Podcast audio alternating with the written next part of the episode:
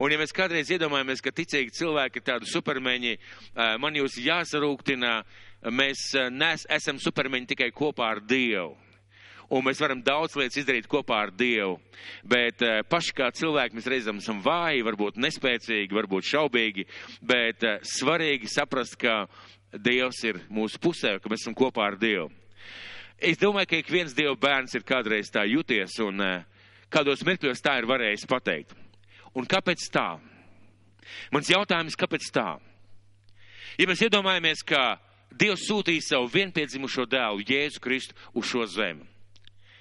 Jēzus atnāca, mācīja, skoloja, kalpoja, darīja trīs gadus. Un beigās viņš dodas uz šo Golgāts kalnu, šo Golgāts krustu nomirst briesmīgā nāvē. Un mēs zinām, ceļās augšā trešā dienā un saka, es esmu kopā ar jums līdz pašam pasaules galam un mana mīlestība nekad nebeigsies. Esmu kopā ar jums vienmēr, visur, visos apstākļos, visos laikos. Tad kāpēc ir tā, ka bieži vien mūs šīs sajūtas, ka Dievs man nemīl, reizēm pat sajūta Dievs, kur tu vispār esi? Un ir pilnīgi skaidrs, ka reizēm atnāk sajūta, vai Dievs vispār ir pat rūtītiem kristiešiem. Kāpēc tā?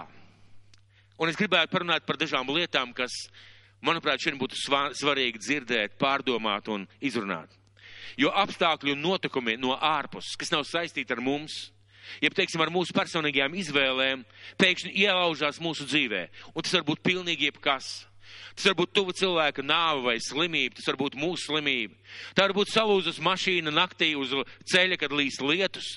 Tas var būt uh, situācija, ka tu ka tev vienkārši neizmaksā algu. Tā var būt dažādas situācijas, kas ienāk mūsu dzīvē, Un šie apstākļi kā spiež domāt, jeb, jeb, jeb spiež domāt un eh, vest uz šo domu, vadu šo domu, Dievs mani nemīl. Dievs mani nemīl.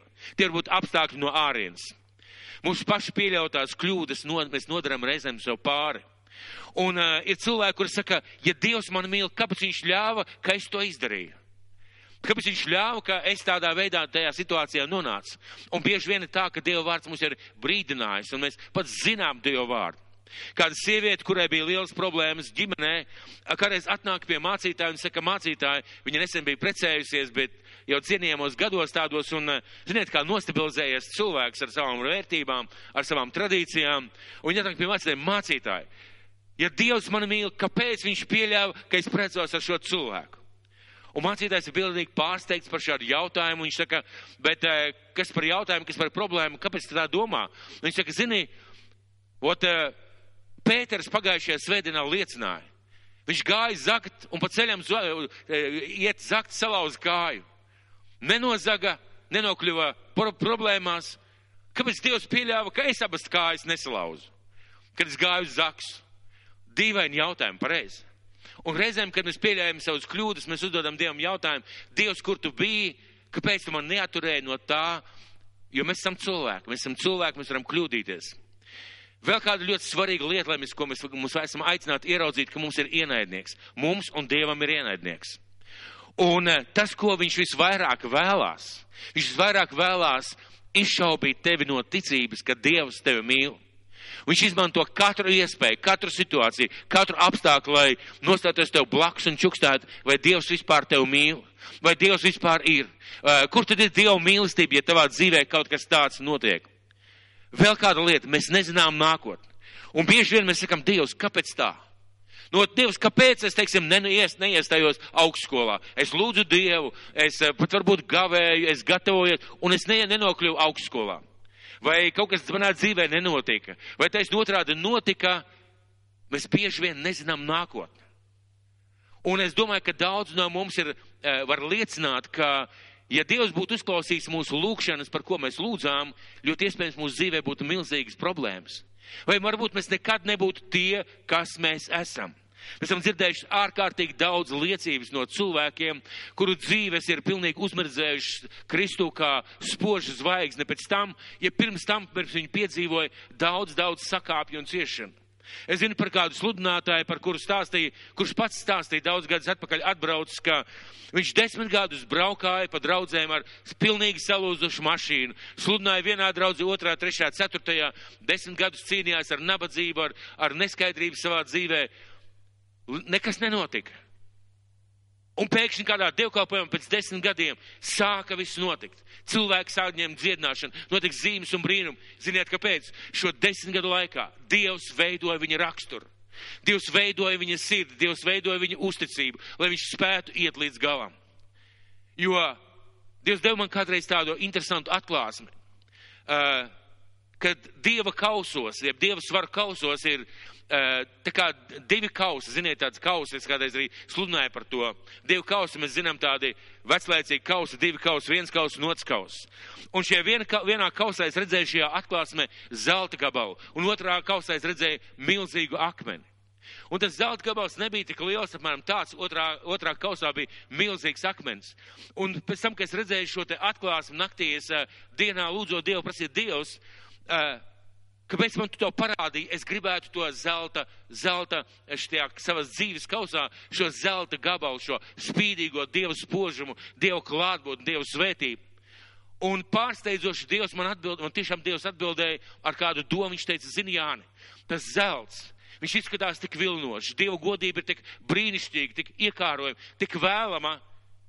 Bet zini, ja es iedotu tev šobrīd to šo zelta gabalu, šo Dieva klātbūtni, šo Dieva godību, tu nespētu viņu noturēt tik ilgi, līdz tu neiemācies noturēt savā dzīvē šo palēko necilo laukakmeni. Kamēr tu nemāki noturēt šo laukakmeni nes savā dzīvē, tu nespēji panest šo zeltu. Un es tev nevaru iedot tāpēc, ka es tevi mīlu un es tevi saudzēju. Tev ir jāaug līdz tam.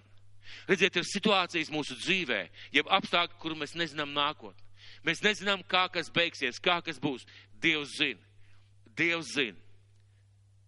Un bieži vien mēs nezinām arī Dieva plānus mūsu dzīvē. Ko Dievs ir ieplānojis. Mēs nezinām Dieva plānus, ko Dievs grib darīt caur mums. Un, kad mēs to nezinām, notiek kaut kādas lietas, mēs domājam, Dievs, kur ir tava mīlestība? Dievs, kāpēc tava mīlestība no manas dzīves ir aizgājusi? Kur tas viss ir palicis? Un ir cilvēki, kuri bijuši nopietni saslimuši un nonākuši slimnīcā, un pirms tam viņi lūguši, un mācītājs lūdz un svaidīs ar eļu, un, un daudz cilvēku ir lūguši, un cilvēks tomēr nonāk slimnīcā. Un cilvēkam ir jautājums visā šajā procesā, Dievs, kur ir tava mīlestība? Un pēkšņi izrādās, ka tajā slimnīcā viņam blakus guļ kāds cilvēks, kurim ir vajadzīga šī liecība. Kurim ir vajadzīga šī liecība par Dievu, par Dievu mīlestību, par Dievu žēlstību. Un šis cilvēks ir gatavs liecināt, bet viņš nekad nebūtu bijis nonācis šajā slimnīcā, ja Dievs nesūtītu viņa dzīvē šo, šo slimību. Tas nozīmē, ka mēs nezinām Dieva plānus mūsu dzīvē, un mēs nezinām, ko Dievs plāno izdarīt ar mūsu dzīvi. Ir daudz, kas arī mūsu raksturā. Daudz, kas arī mūsu raksturā, kas varbūt reizēm spiež mūs tā domāt. Ir neļauj noticēt Dieva mīlestībai. Ir cilvēki, kas ir pesimisti. Un uh, Man gribētos teikt, ka Dievā mēs visi varam būt optimisti. Visi varam būt optimisti, jo visas lietas ticīgiem nāk par labu. Bet ir cilvēki, kas pēc tādas dabas ir pesimisti, ka viss ir slikti, ka viss nav tā kā gribētos, viss ir tā kā vāji, viss tā kā nelabi, viss tā kā pamaz. Un uh, ir tādi skeptiķi, kas par visu šaubās. Un ir cilvēki, kas ir kritiķi. Tu viņam parādi skaistu ziedu, kas, protams, nav perfekts. Viņš skatīsies un teiks, skaists zieds. Bet, zini, tā krāsa īsti nav tāda. Labs, eh, labs zieds, bet, bet tā krāsa īsti nav tāda. Cilvēks saņem algu un ir priecīgs un, un priecīgs un pateicīgs un saka, zini, man izmaksāja algu un es, eh, man ir kaut kāds algas pielikums vai eh, finansiāli kaut kas manā dzīvē. Un tas cilvēks skatās uz tevi un saka, zini, bet tā jau nav nemaz tik laba alga. un reizē mūsu pašu raksturs neļauj mums ieraudzīt un saskatīt Dieva mīlestību. Un arī mūsu priekšstats par dzīvi. Arī mūsu priekšstats par dzīvi. Kā jūs domājat, vai tie cilvēki, kas dzīvoja vecās derības laikā, vai ja, tajā laikā, kad Jēzus sludināja, mēs ziniet, zinām, ebreju valodā, jeb ebreju kultūrā un ebreju, teiksim, ticībā bija tā, ja tu esi bagāts, ja tu esi vesels, ja tu esi veiksmīgs, Dievs tevi mīl. Vitālija, Dievs tevi mīl. Bet, ja tu neesi tik bagāts, tik veiksmīgs, ja tu esi slims un, ja tu varbūt tavā dzīvē tev tā neiet, Dieva svētības nav pār tevi. Un mēs reizēm tā domājam. Mēs reizēm tā domājam, un es domāju, ka varbūt ka daudz no mums ir dzirdējuši arī tādas liecības. Dzirdējuši tādas liecības, kad kāds cilvēks, kurš brauc ar uh, Mercedes, un, protams, viņš ir kristietis, un uh, viņš saka, zini, uh, ja tev nav vasarnīcas jūrmalā, labs jautājums, vai tu esi Dieva plānā, vai tu esi Dieva gribā. Ir cilvēki, kas sludina labklājības evaņģēliju. Ja tu esi kristietis, tev visam jāpietiek, tev visam jābūt kārtībā, tev visam jāizdodas, tev jābūt svētītam. Es ticu Dieva svētībām un visi Dieva apsolījumi Bībelē, kas mums ir apsolīti, tie ir jā, Kristu Jēzu. Bet, ziniet, nevienmēr tā notiek visiem, un tad man kādreiz ir jautājums. Ja tu tā saki, ja tu tā sludini, ja tu tā māci, ļauj man uzdot tev jautājumu. Ķīnā ir vajāšanas. Vai šie cilvēki nav svētīti? Vai šie cilvēki nav dievu mīlēti? Vēl vairāk varbūt nekā mēs šeit.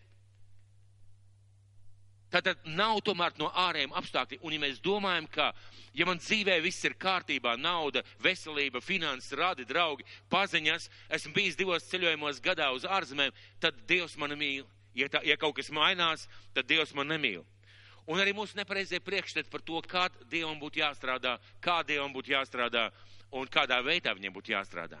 Tās ir lietas, kas varbūt likt mums domāt, Dievs man nemīl.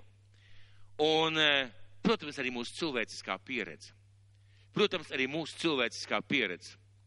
Mēs zinām, ka ir cilvēki, kas kaut ko apsola un kaut ko tādu ļoti svarīgu priekš jums. Viņi saka, zini, es noteikti to izdarīšu. Jā, noteikti mēs esam sarunājuši, un eh, pēkšņi mainās apstākļi. Viņš skatās tev acīs, saka, zini, eh, es tev solīju, bet tagad kaut kas ir mainījies es piedodu, bet es vairs nevarēšu tev palīdzēt, nevarēšu būt vai nevarēšu izdarīt, un tev ir vilšanās. Un tev ir vilšanās, un šī te vilšanās cilvēkos reizē mums liek domāt, ka arī Dievs rīkojās kaut kur līdzīgi. Es zinu, ka ir cilvēki, kurš saka, mēs būsim draugi līdz mūža galam, un tikai pamainās intereses vai apstākļi, šī draudzība izjūg. Mēs zinām arī šo cilvēcisko slikto pieredzi, ka cilvēki stāvot pie altāra, pat kristieši reizēm sola mīlēt līdz mūža galam. Un reizēm tā mīlestība izbeidzās ļoti ātri. Šī cilvēciskā pieredze spiež mūs domāt, ka varbūt arī Dievs rīkojās līdzīgi, vai varbūt arī Dievam ir līdzīgi paradumi, vai, vai, vai tiešām var uzticēties Dieva mīlestībai. Un uh, ir ļoti daudz lietu, kas mūsu dzīvē, kas ir apkārt mums, kas liek mums domāt, kas liek, nevis kas mūs uh, tā kā kāpēc mums būtu jādomā tā, bet kas it kā spiež mums virsū sajust, ka Dievs varbūt mūs nemīl un ka Dievs nav mīlestība. Un visā tajā, ko mēs runājam par Dievu lietām, visā tajā, ko mēs runājam par Dievu, par Dievu klātbūtni, par Dievu svētībām, uh, visā tajā, ko mēs domājam par Dievu, Dievs vēlas pateikt kādu ārkārtīgi, ārkārtīgi svarīgu, kādu ārkārtīgi nemainīgu, kādu ārkārtīgi fundamentālu lietu, ko mums visiem būtu jāzina. Visiem būtu jāzina, un tam būtu jābūt uzrakstītam uz mūsu sirds plāksnēm, ja tā garīgi varētu izteikties. Kaut ko tādu, kas nekad nemainīsies. Un tas ir, ka Dieva mīlestība uz mūsu ticīgiem cilvēkiem, Kristu no viņa puses, nekad. Ka Dieva mīlestība uz kristiešiem, uz Dieva bērniem, nekad, nekad neatkāpsies. Nekad nemainīsies, nekad nebūs vājāka, un tā ir patiesība. Nekad Dieva mīlestība nemainīsies. Lai kāda būtu apstākļi, lai kādas būtu situācijas, lai kam cauri mēs savā dzīvē iet, nekad Dieva mīlestība neatkāpsies. Jo Viņš mūs mīl ar mūžīgu mīlestību. Un pierādījis viņš to ir sūtot savu vienpiedzimušo dēlu šajā nāvē, un Jēzus nomira par mūsu grēkiem, cēlās augšā, un šodien mēs varam būt viņa bērni. Un mēs it kā visi to zinām. It kā mēs visi to zinām bet tam vajadzētu būt mūsu ticības uz Jēzu Kristu pamatā. Uz Jēzu Kristu pamatā ir daudz lietas, svarīgas lietas, par ko mēs reizēm runājam. Kā lūgt Dievu? Cik ilgi lūgt? Kādu lūgt? Kā lasīt Bībeli, kā slavēt Dievu? Vai skaļi slavēt, vai ar aplausiem, vai bez aplausiem? Mēs daudz runājam par svētā gara dāvanām un kalpošanu un darbiem, daudz lietām, bet ir kaut kas par to visu svarīgāks. Un šis svarīgais par Dievu mīlestību būs aktuāls vienmēr, visās kultūrās. Visās kultūrās šis jautājums, vai Dievs mani mīl, vai Dieva mīlestība nav mainījusies, vai Dievs nav atkāpies no manis visās kultūrās, kādas tās ir nebūs līdz pasaules galam, vienmēr būs svarīgas. Visās paudzēs. Visās paudzēs, neatkarīgi kādā paudzē mēs dzīvosim, vai tehnikas laikmetā, vai pagājušajos gadsimtos un visos vecumos. Mīļie, visos vecumos būs jautājums, vai Dievs mani joprojām mīl. Ticības dzīves sākumā būs jautājums, vai Dievs mani mīl. Vai Dievs mani mīl? Es atceros, kad es sāku ticēt, un manā dzīvē ienāca Kristus, un uh, otrā dienā pēc ūdens kristībām, vai trešā, vai ceturtā, es nezinu, es sazāģēju savu pirkstu zāģi, es strādāju galvniecībā. Un ziniet, kad bija pirmā doma, nevis, ai, kā man nepaveicās, bet kā Dievs varēja to pieļaut? Un tad es pēkšņi sapratu, ka nav jau svarīgi, kā Dievs to pieļāva vai nepieļāva, svarīgi ir, ka Dievs mani mīl. Un, ja es šobrīd varu par to liecināt, tas nozīmē, ka tas atstāja manī kaut kādas pēdas. Tas lika man domāt. Un ziniet, ko tas man iemācīja? Tas man iemācīja, ka nav svarīgi apstākļi, kādos tu esi. Svarīgi zināt, ka Dievs mūs mīl. Visos vecumos, ticības sākumā, ticības vidū un arī dzīves pašās beigās. Mēs esam redzējuši daudz dažādus vecus un sirmus cilvēkus. Man dzīvē ir gadījies būt pie dažādiem cilvēkiem. Uh, dažādās dzīves situācijās, kas jau gatavojās aiziešanai. Un uh, es atceros, un esmu kādreiz jau liecinājis, atceros tādu māsu špricenieci. Varbūt, ja kāds tādu pazīst, varbūt var pamāt ar roku. Bija tāda māsa špricenieci. Laikam divas vai trīs reizes pie viņas biju, bet es viņu atceros. Kā šodien atceros veca māsa ar tādu sirmu, sirmu galvu, viņa pietrausās, mēs bijām pie viņa ar, ar, ar brāli Mārtiņu tajā laikā, kurš kalpoja par, par diakonu. Mēs aizbraucām pie viņas ciemos, viņas meita bija neticīga, viņa dzīvoja tādos sakarīgos apstākļos, bet bija kaudz ar slimībām, viņa pierausās gultā, jo viņa nevarēja īsti, īsti tā kā nosēdēt, un viņa pārsvarā gulēja, un mēs kopā slavējām Dievu. Viņa, viņa, viņa pateicās, viņa pielūdza, viņa slavēja, viņa pieņēma vakarēdienu, un es gāju projām no viņas ar domu, es tā gribētu. Es tā gribētu pabeigt savu dzīvi. Es tā gribētu pirms Kristus man paņem uz mājām ar tādu sajūtu, ar tādu izteiksmi, ar tādu mīlestību, ar tādu pārliecību par to, ka es aizēju pie Dieva. Es tā gribētu pabeigt savu dzīvi. Un man ir bijuši gadījumi, ka to runā ar cilvēku, kurš tuvu jau aiziešanai, uh, Un ir tik daudz negāciju, tik daudz rūkuma, tik daudz, tik daudz nepiedošanas, tik daudz jautājumu. Un visam tam cauri ir, vai Dievs mani mīl, vai Dievs mani pieņems. Tāpēc ir tik svarīgi, mīļie, ka tas ir svarīgi visos vecumos. Un Dievs mūs ļoti mīl ar nebeidzamu mīlestību. Un tā nekad, nekad, nekad neatkāpsies no mums. Reizēm mēs domājam, ka Dievs mīl, nemīl, tas tā kā slēdz, ieslēdz, izslēdz, bet patiesībā tā mūsu sajūta ir, ka Dieva mīlestība it kā atkāpjas no mums, it kā paiet malā, bet tā galīgi nav taisnība. Un šodien gribētu dalīties ar vārdu mīlestība, kas nekad neatkāpjas.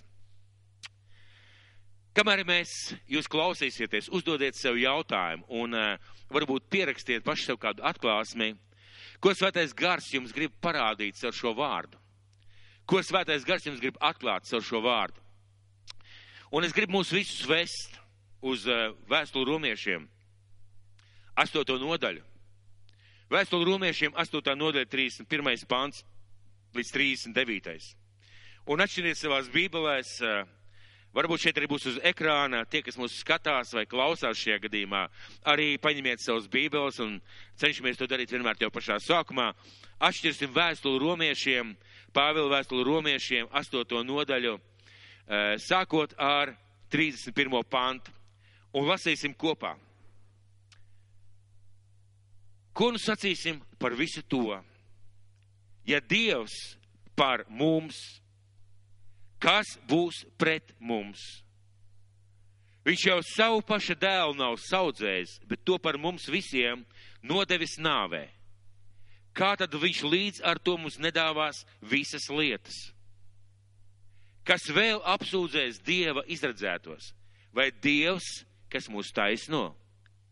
Kas mūs pazudinās? Vai Kristus Jēzus, kas ir nomiris, vēl vairāk, kas ir augšām cēlies un ir pie Dieva labās rokas, kas arī mūs aizstāv? Kas mūs šķirs no Kristus mīlestības? Vai ciešanas? vai izbailes, vai vajāšanas, pats, plikums, briesmas vai zobens. Gluži kā rakstīts tevis dēļ, mēs tiešām nāvi augu dienu.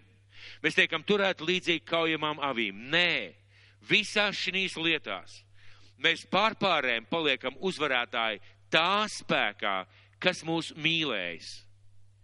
Tāpēc es esmu pārliecināts, ka ne nāve, ne dzīve, ne eņģeļi, ne varas, ne tagadne, ne nākotne, ne spēki, ne augstumi, ne dziļumi, ne cita kāda radīta lieta mūs nevarētu šķirt no Dieva mīlestības, kas ir atklājusies Kristu Jēzu mūsu kungā. Un šeit ir vairākas lietas. Pirmā lieta, kas šeit rakstīts, ir, ko nu sacīsim par to, ja Dievs ir pār mums. Mums vienmēr ir jāatcerās visās situācijās. Dievs ir par mums. Kā viņš to pierāda? Viņš to pierāda, ka Jēzus Kristus ir nācis šo zemi un nomiris par mūsu grēkiem, lai mēs, un nevis vispār par visiem cilvē, pasaules cilvēkiem un visiem pasaules cilvēku grēkiem, arī, protams, bet par tevi un par mani. Un tālāk teikts, ja viņš ir nomiris par mums, kā viņš mums nedāvinās visas pārējās lietas. Kad mēs sastopamies savā dzīvē ar tādām lietām, un šeit Pāvils raksta 3.5. nodaļā, kas mūs šķirs no Kristus mīlestības? vai ciešanas, izbēles, vajāšanas, bāts, plikums, briesmas vai zobens. Un mēs parasti domājam, ka tas mūs šķir no Dieva mīlestības. Jo es jau minēju, mēs tik bieži nesaprotam Dieva plānu, Dieva nodomus, Dieva labo gribu mūsu dzīvē. Kas mūs šķirs?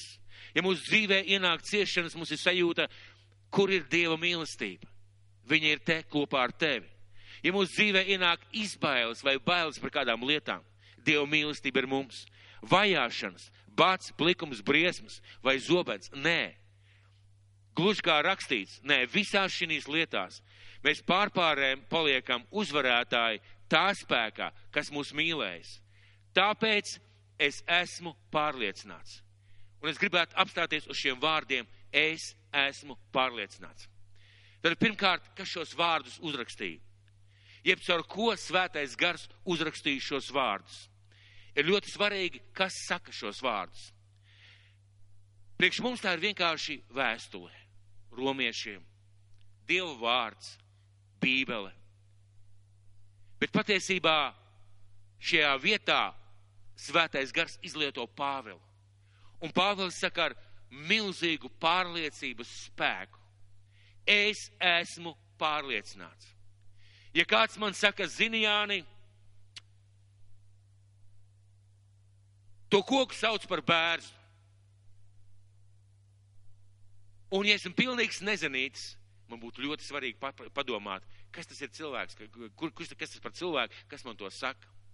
Ja kāds, piemēram, saka, Jāni, nepērc opeli, nevajag pirkt opeli, tad man būtu jautājums, ko es padomātu, kas tas ir par cilvēku, kas man saka nepirkt šo mašīnu. Vai viņam ir pieredze, vai viņam ir zināšanas. Un, ja tas ir tiešām automehāniķis, es viņam droši varētu uzklausīt. Un mēs parasti klausām cilvēku padomus, pareizi. Mēs klausām cilvēku padomus, un šeit Pāvils saka, es esmu pārliecināts, ka ne nāve, ne dzīve, ne eņģeļi, ne varas, ne tagadne, ne nākotne, ne spēki, ne augstumi, ne dziļumi, ne cita kāda radīta lieta mūs nevarēs šķirt no Dieva mīlestības, kas ir atklājusies Kristu Jēzu mūsu kungā. Ļoti svarīgi, ka to nepasaka kāds ticības iesācējs, ka to pasaka cilvēks, kurš nogāja ļoti izcilu savas ticības dzīvi. Un uh, otrajā vēstulē korintiešiem paskatīsimies, kas tas ir par cilvēku, kas raksta šos vārdus. Pāvela otrajā vēstulē korintiešiem 11. nodaļa, 23. 33. pants. Pāvela otrā vēstule korintiešiem 11. nodaļa no 23. līdz 33. pantam. Sakiet, vai jūs uzticētos cilvēkam, kurš teiktu, Dievs tev izvedīs cauri, ja viņa dzīvē nebūtu bijuši nekādi pārbaudījumi? Vai jūs uzticētos tādam cilvēkam? Nu, diez vai, pareizi. Ja tas cilvēks būtu uzvarējis lielas cīņas savā dzīvē, un viņš teiktu kādas lietas, jūs uzticētos. Un tagad padomāsim, ja kāds varēja pateikt savā dzīvē, Dievs, kur ir tava mīlestība, tad tas bija Pāvils. Jo skatieties, ko viņš raksta par savu dzīvi. 23. pants. Tie ir Kristus kalpi. Es runāju neprātā, es vēl vairāk. Daudz vairāk darbā, daudz vairāk cietumos. bez mēra sitienus ciesdams, bieži nāvis briesmās. No jūdiem esmu dabūjis 5 reizes 40 sitienu bez viena. Trīs reizes dabūju rīkstus, vienreiz man mētāja akmeņiem. Trīs reizes biju ūdens briesmās visu dienu un nakti biju jūras viļņu varā. Bieži biju ceļojumos, ūdens briesmās, upēs, laupītāja briesmās, briesmās savu ļaužu vidū, briesmās pagānu vidū, briesmās pilsētā, briesmās tuksnesī, briesmās jūras briesmās, e, briesmā uz jūras, briesmās viltus brāļu starpā, darbā un pūlēs, daudzās bezmiena naktīs, izsalkumā un slāpēs, daudzreiz badā, salā un kailumā. Bet tam vēl viss pārējais ļaužu pieplūdums, ikdienas, rūpes par visām draudzēm, kur ir kāds nespēcīgs, un es nebūtu nespēcīgs, kur ir kāds grīt grēkā un man sirds nedegt. Ja jau jālielās, tad lielīšos ar savu nespēku. Mūsu kunga Jēzus Dievs un Tēvs, kas ir augsti teicams mūžīgi, zina, ka es nemeloju. Damaskā ķēniņa aretas zemes pārvaldnieks lika Damaskas pilsētas apsargāt vai mani sagūstīt. Pa logu kurvī man nolaid pār mūri, tā es izglābos no viņu rokām. Un šeit ir interesanti, Pāvils raksta par savu dzīvi. Tas ir tas pats cilvēks, kas teica, ne pats, ne likums, ne nabadzība, ne pārdzīvojumi, ne ciešanas, nekas mūs nespēja šķirt no Dieva mīlestības. Tas ir tas pats cilvēks. Un tad viņš raksta uz savu dzīvi. Kāpēc?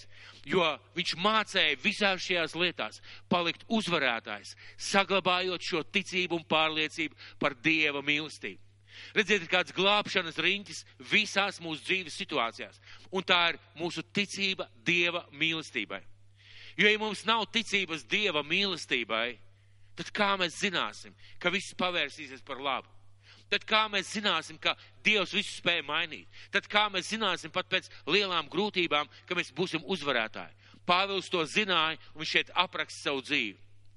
Un vēl viena lieta, viņš runā par, tā bija par viņa fiziskā dzīvi es gribētu parunāt par viņa garīgo dzīvi. Un redziet, tālāk viņš raksta 12. nodaļā, sākot no pirmā panta. Ir jau jālielās, kaut gan tas nedara. Es tagad runāšu par tā kunga parādībām un atklāsmēm. Es pazīstu cilvēku iekš Kristus priekš 14 gadiem, vai miesā, vai ārpus miesas, nezinu. Dievs to zina, tas tika aizrauts trešajās debesīs. Par to pašu cilvēku es zinu, ka tas vai miesā vai ārpus miesas, nezinu, to Dievs zina. Tik aizrauts paradīzē un dzirdēja neizsakāmus vārdus, ko cilvēkam nav ļauts izrunāt. Ar to es gribu lielīties, bet ar, savu pašu, ar sevi pašu es nenolīšos, kā vien ar savu nespēku. Ja es arī gribētu lielīties, es nebūtu neprātīgs, jo es runātu patiesību, bet es atturos, lai ik viens par mani nedomā vairāk kā to, ko tas manī redz, vai ko no manis dzird, arī visai augsto atklāsmu dēļ. Un šeit es uz bišķīt piestāšos, uz mirklīt apstāšos. Un tagad skatieties. Skatieties uz šo ērgļa lidojumu ar diviem spārniem. Viens spārns ir viņa dzīves situācijas, kurās viņš kopā ar Dievu, balstoties uz Dieva mīlestību, iet cauri. Bats, plikums, ciešanas, nabadzība, augstums, briesmas. Jo Dievs ļāva viņam piedzīvot to visu viņa dzīvē, lai caur viņa dzīvi izmainītu pasauli. Lai viņš būtu tas, kas draudzēm visā tā laikā Romas impērijā sludinātu, mācītu un pamatotu evaņģēliju. Tas bija vajadzīgs, lai viņš kļūtu par cilvēku, ko mēs šodien saucam par garīgo milzi. Un tajā pašā laikā otrs ērglis pārds Viņš runā par sevi. Es pazīstu cilvēku, kas tika aizrauts trešajās debesīs. Ziniet, cilvēks, kurš sēž mājās un kad tik man nav iesnas, kad tikai man kājiņi neiesāpējās, kad tik man pietiek naudas visam, vai tādu cilvēku Dievs paņems trešajās debesīs? Vai Dievs spēj tādu cilvēku paņemt trešajās debesīs? Vai cilvēku, kurš domā tikai par sevi un nepārtraukt šaubās par Dieva mīlestību katras vēja pūsmas dēļ. Dievs spētu pacelt debesīs un ļaut dzirdēt viņam neizsakāmus vārdus. Iedomājieties, Pāvils dzirdēja vārdus, ko neviens cilvēks pirms viņa nebija dzirdējis. Un viņš saka, lūk, man ir divi spārni. Viens ir mana dzīve, otrs ir mana garīgā dzīve. Un to visu pārklāja Dieva mīlestība. Tam visam pārī ir Dieva mīlestība, kas ir pārāk par katru problēmu, par katru vajadzību, par katru lietu. Tu visu pārklāji Dieva mīlestību. Bet kas vispār saka šos vārdus? Kas vispār saka šos vārdus caur Pāvilu? Ka Dieva mīlestība nekad neatkāpsies, neatstāsies, ka nekas mūs nespēj šķirt no Dieva mīlestības. Debes tēvs. Debes tēvs ar to Pāvilu saka. Debes tēvs runā caur Pāvilu, caur viņa liecību, caur viņa dzīvi. Un kā Jēzus Kristus izdzīvo šos vārdus? Sakiet man vienu jautājumu, vienu atbildi. Vai mēs ticām, ka Dievs mīlēja Jēzu Kristu? Dievs mīlēja Kristu. Dievs mīlēja Kristu pareizi. Vai kaut kādā mirklī Dieva mīlestība atkāpās no Jēzus Kristus? Nu tā padomāsim. Nu neatkāpās pareizi. Es gribētu izlasīt tikai vienu fragmentu, ko Dieva vārds saka par Jēzu. Ebra vēstuli ebrejiem 5. nodaļa. No 6. līdz 9. pantam mēs zinām par Jēzus dzīvi, par viņu nāvu, par viņu augšām celšanos, bet vēstulē ebrejiem 5. nodaļā 6. pants. Kā arī citā vietā viņš saka, tu esi priesteris mūžīgi pēc Melchisedeka kārtas. Savas miesas dienās ar stipru balsi un ar asarām viņš ir raidījis daudz karšu, karstu lūkšanu pie tā, kas viņu varēja izglābt no nāves un ir ticis atpestīts no bailēm. Nav ticis izglābts no nāves, bet ir ticis atpestīts no bailēm. Un dēls būdams tomēr ir mācījies paklausību no tā, ko cietis. Un pilnību sasniedzis viņš ir palicis visiem, kas viņam paklausa par mūžīgās pestīšanas gādnieku. Dieva nosaukts par augsto priesteri pēc Melchizdeka kārtas. Ja mēs saprotam, ka Dieva mīlestība nav par naglām mūsu mājas, nezinu, verandiņā iesistajām. Ja mēs saprotam, ka Dieva mīlestība nav par mūsu iesnām, nav par mūsu mazajām lietām, ka Dieva mīlestība ir par mūsu dzīvi, lai mēs nodzīvotu dzīvi, kas ir Dieva pilna, kas ir Dieva svētīta, kas ir Dieva aicinājuma pilna.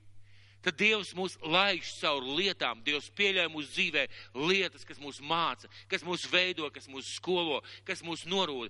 Dievs vienkārši tādā veidā darbojas. Bet kā izpaužas Dieva mīlestība mūsu dzīvē? Lielais jautājums. Ja Bībele saka, ja Dievvvārds saka, ja Pāvils saka, ja Svētais gars saka, ka mūs nekas nevar šķirt no Dieva mīlestības, kā izpaužās Dieva mīlestība mūsu dzīvēm? Un šeit es gribētu varbūt teikt tā. Dieva mīlestība nav ēteriska. Man ir personīgi milzīga pateicība Dievam par to, ka Dieva mīlestība nav ēteriska. Nav platoniska. Ziniet, ir cilvēki, kas tā ēteriski runā par mīlestību. Tā ēteriski. Ziniet, tā ne pie kā nepiesienās. Vienkārši Dievs tev mīl vai es tev mīlu vai platoniskā mīlestība, kas patiesībā neko nenozīmē. Dieva mīlestība nekad tāda nav bijusi. Viņa nekad tāda arī nebūs, tāda ēteriska, tāda uh, platoniska. Dieva mīlestība ir ļoti dzīva, ļoti reāla un ļoti praktiska. Un pret katru cilvēku ārkārtīgi īpaša un individuāla. Dievs mīl cilvēkus, un viņš vēlās cilvēkam tikai labu un vēloties labu, viņa mīlestība ir ļoti dzīva, ļoti reāla, ļoti praktiska un ārkārtīgi individuāla. Un Jāņa atklāsmes grāmatā, trešajā nodaļā, es kādā nesen dievkalpojumā par to runāju, bet Jāņa atklāsmes grāmata, trešajā nodaļa, 19. pants, jo ko es mīlu, jo ko es mīlu, tā tā kā pants. Vai es varētu uztaisīt tādu eksperimentu? Vai kā jūs domājat, vai Dievs jūs mīl? Dievs jūs mīl? Dievs mūs visus mīl pareizi. Dievs mani mīl. Man, Dievs man mīl, jā? Ja? Skatāmies tālāk. Tos es pārmācu un pamācu. Tad nu iekarsies un atgriezies. Ja Dievs mani mīl, viņš man pārmāca un pamāca. Un, ziniet, Bībele runā par cilvēka garīgo augumu. ir kāda lieta, kas mums ir jāsaprot, par ko es šodien gribētu varbūt arī uzlikt tādu akcentiņu par cilvēka garīgo augumu. Par cilvēka garīgo augumu, jeb par augumu Kristu. Un es personīgi gribētu iedalīt cilvēkus tādās četrās grupās pēc auguma. Un nevis pēc fiziskā auguma, 1,70 m un zem 1,70 m. Bet zīdains, jeb mazs bērns, pusaudzis, jaunietis un pieaudzis cilvēks. Un mēģināsim nedaudz paskatīties tādu cilvēcisku piemēru, uz tādu cilvēcisku piemēru, kā izpaužās Dieva mīlestība. Kur ir mūsu lielā problēma? Mūsu lielā problēma tā, ka mēs visu laiku gribam, lai Dieva mīlestība mūsu dzīvē izpaustos ar visām tikai labām lietām. Visām tikai labām lietām, garšīgām lietām. Kā jūs domājat, ja bērnam dotu tikai konfektes? Tikai konfektes. Starpīt, kā tu domā, ja tu saviem puikām dotu tikai konfektes, zefīrus, šokolādes, konfektes, e, paietu laiks, viņi tev būtu pateicīgi? Domāju, ka nē, pareizi. Diez vai. Diez vai. Nu, lūk, un e, tad četri garīgie augumi. Un kā tas būtu tīri cilvēciski, mazi bērni? Kā vecāki izturās pret maziem bērniem? Mums bija kāds izbraukums, un es skatījos uz, uh, uz mūsu māsu Egeju. Viņai uz rokām bija Sofija. Sofija pirmām kārtām visiem sūtīja gaišu bučus. Un uh, visi, visi bija ārkārtīgi priecīgi un sajūsmā. Tad Sofija darīja tā, i, i, i, i, un mammīte gāja. Tad Sofija darīja tā, kaut ko māja, kaut ko darīja, kaut ko gribēja, kaut ko ņēma. Mammīte burtiski lidoja ap Sofiju. Un tā visas māmiņas lido ap saviem maziem bērniem. Līdzīgi kā Diāna šobrīd ucina aizmugurē mazulīt.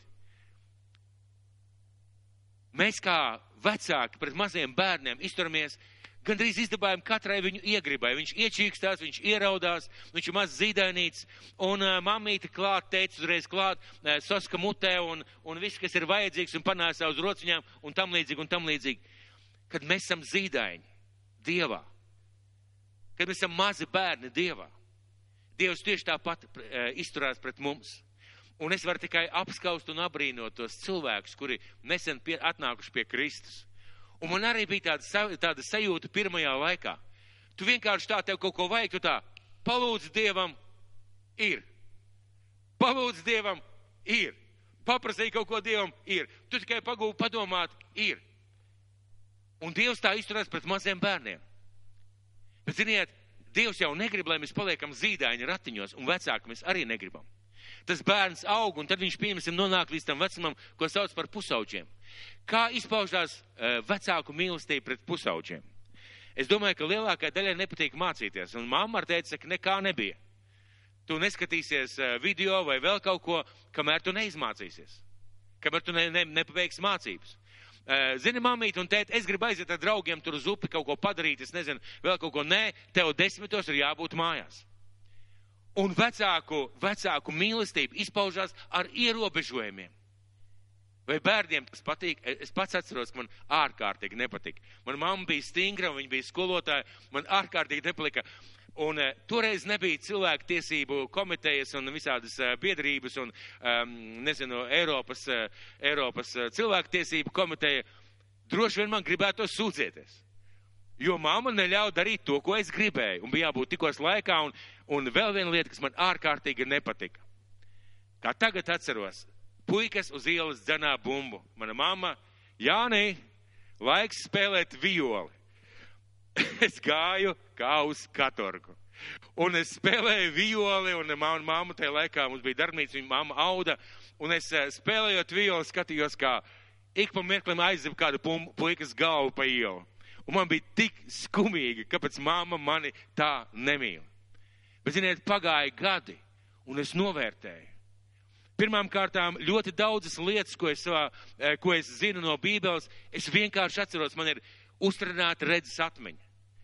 Eh, mamma man iemācīja piespiesties, iemācīja mācīties, iemācīja dažādas lietas, un man iemācīja zināmā mērā mīlēt arī mūziku, ja spēlē citi. Un es šodien esmu pateicīgs par to. Un vecāki tā izturās pret pusauģiem. Un kad mēs esam gadu, divus dievā, Dievs sāk tā pašā veidā mūs audzināt.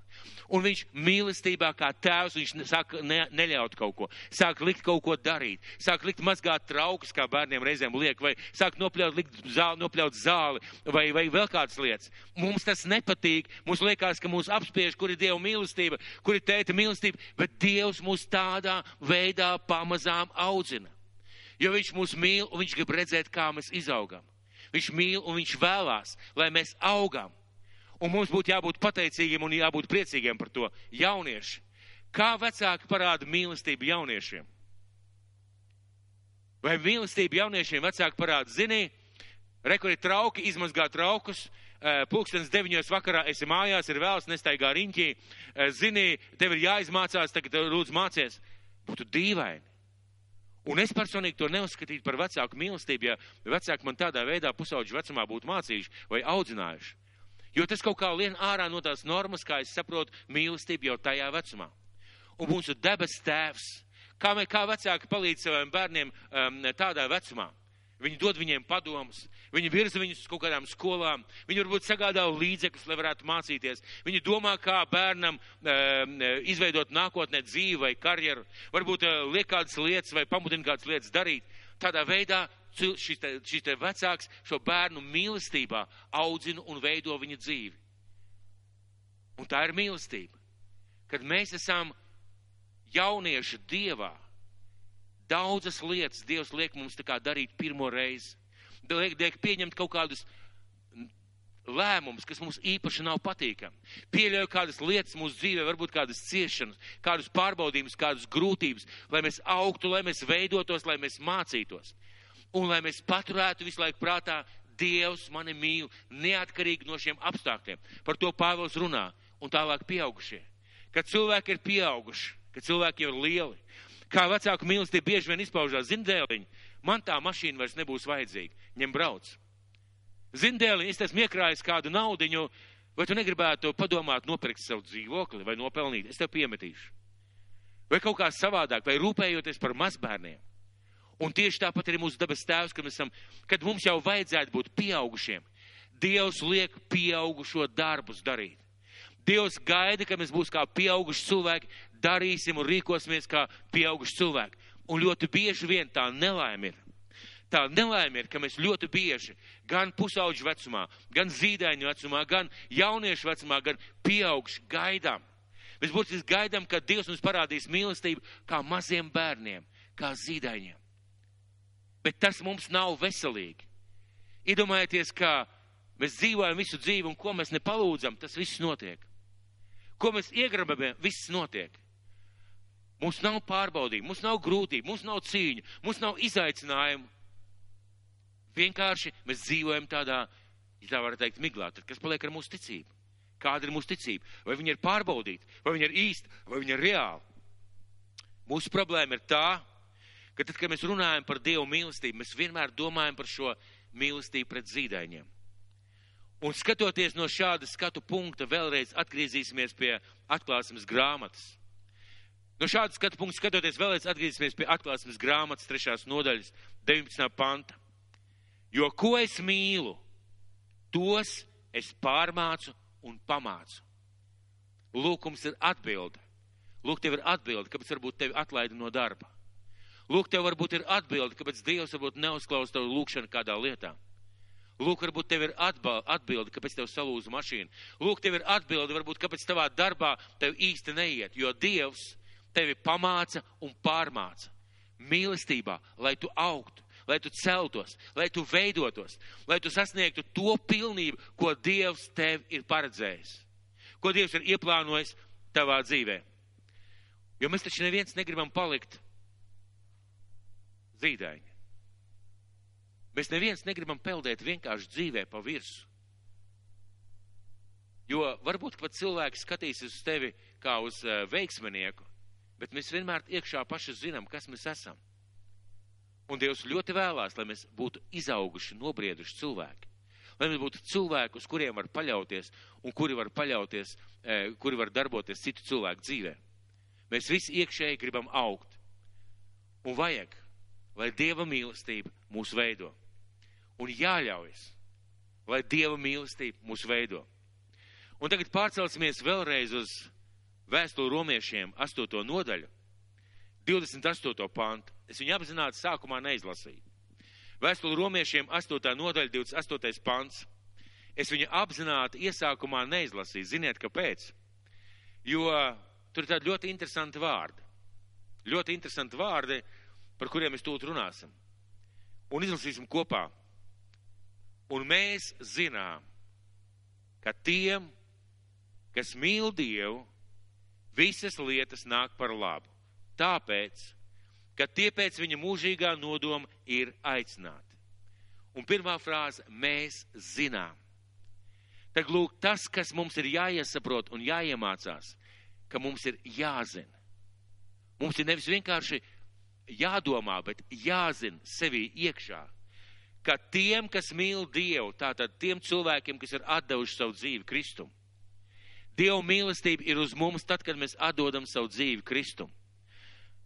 Visas lietas nāk par labu, tāpēc, ka tie pēc viņa mūžīgā nodoma ir aicināti. Kāpēc? Tāpēc, ka viņi pēc mūžīgā nodoma ir aicināti. Tāpēc visas lietas nāk par labu. Kam? Tiem, kas Dievu mīl. Un mēs zinām. Tad, lūk, mīļie draugi, vajadzētu būt kaut kam tādam, kas mūs, mūsos iekšā vienmēr liecina par to, lai kas manā dzīvē arī notiktu. Lai kas manā dzīvē arī notiktu. Nekas mani nespēja šķirt no Dieva mīlestības.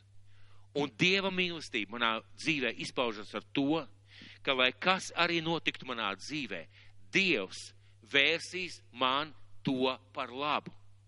Lai kā tas izskatītos, Dievs to vērsīs man par labu. Varbūt viņš man palīdzēs tikt vaļā no kādām lietām. Varbūt viņš palīdzēs man kaut ko iemācīties. Varbūt viņš palīdzēs man mainīt manu raksturu, manu sirdi, manu attieksmi. Bet manu dzīvi viņš vērsīs par labu. Un ja mēs skatāmies no šāda skatu punkta, tad es gribētu vēlreiz izlasīt šo te vēstuli romiešiem, sākot no 31. panta. Ko nu sacīsim par visu to? Ja Dievs par mums, kas būs pret mums? Viņš jau savu paša dēlu nav saudzējis, bet to par mums visiem nodevis nāvē. Kā tad viņš līdz ar to mums nedāvās visas lietas? kas vēl apsūdzēs Dieva izredzētos, vai Dievs, kas mūs taisno, kas mūs pazudinās, vai Kristus Jēzus, kas ir nomiris, vēl vairāk, kas ir augšām cēlēs un ir pie Dieva labās rokas, kas mūs arī aizstāv pie Dieva labās rokas. Kas mūs šķirs no Kristus mīlestības? Vai ciešanas? Nē. Vai izbailes? Nē. Vai vajāšanas? Nē. Vai bats, vai plikums, briesmas vai zobens? Nekas. Nē, visās šīs lietās mēs pārpārējam. Paliekam uzvarētāji tā spēkā, kas mūs mīlēs. Tāpēc esmu pārliecināts, ka ne nāve, ne dzīve, ne eņģeļi, ne varas, ne tagadne, ne nākotne Ne spēki, ne augstumi, ne dziļumi, ne cita kāda radīta lieta mūs nevarēs šķirt no Dieva mīlestības, kas ir atklājusies Kristū Jēzu mūsu kungā un kas ir mūsu dzīvē. Un tagad mēģināsim nedaudz padomāt. Dažas lietas. Pirmā lieta. Kā tu sevi redzi? Kā tu sevi redzi? Kā mazu bērnu, kā pusaudze, kā jaunieti, Kaut gan varbūt tev viss ir mati vai kā pieauguši cilvēku. Kā tu sevi redzi šobrīd? Neatkarīgi no ticības stāža un neatkarīgi no tava vecuma. Un tad padomā, kādu mīlestību tu gribētu?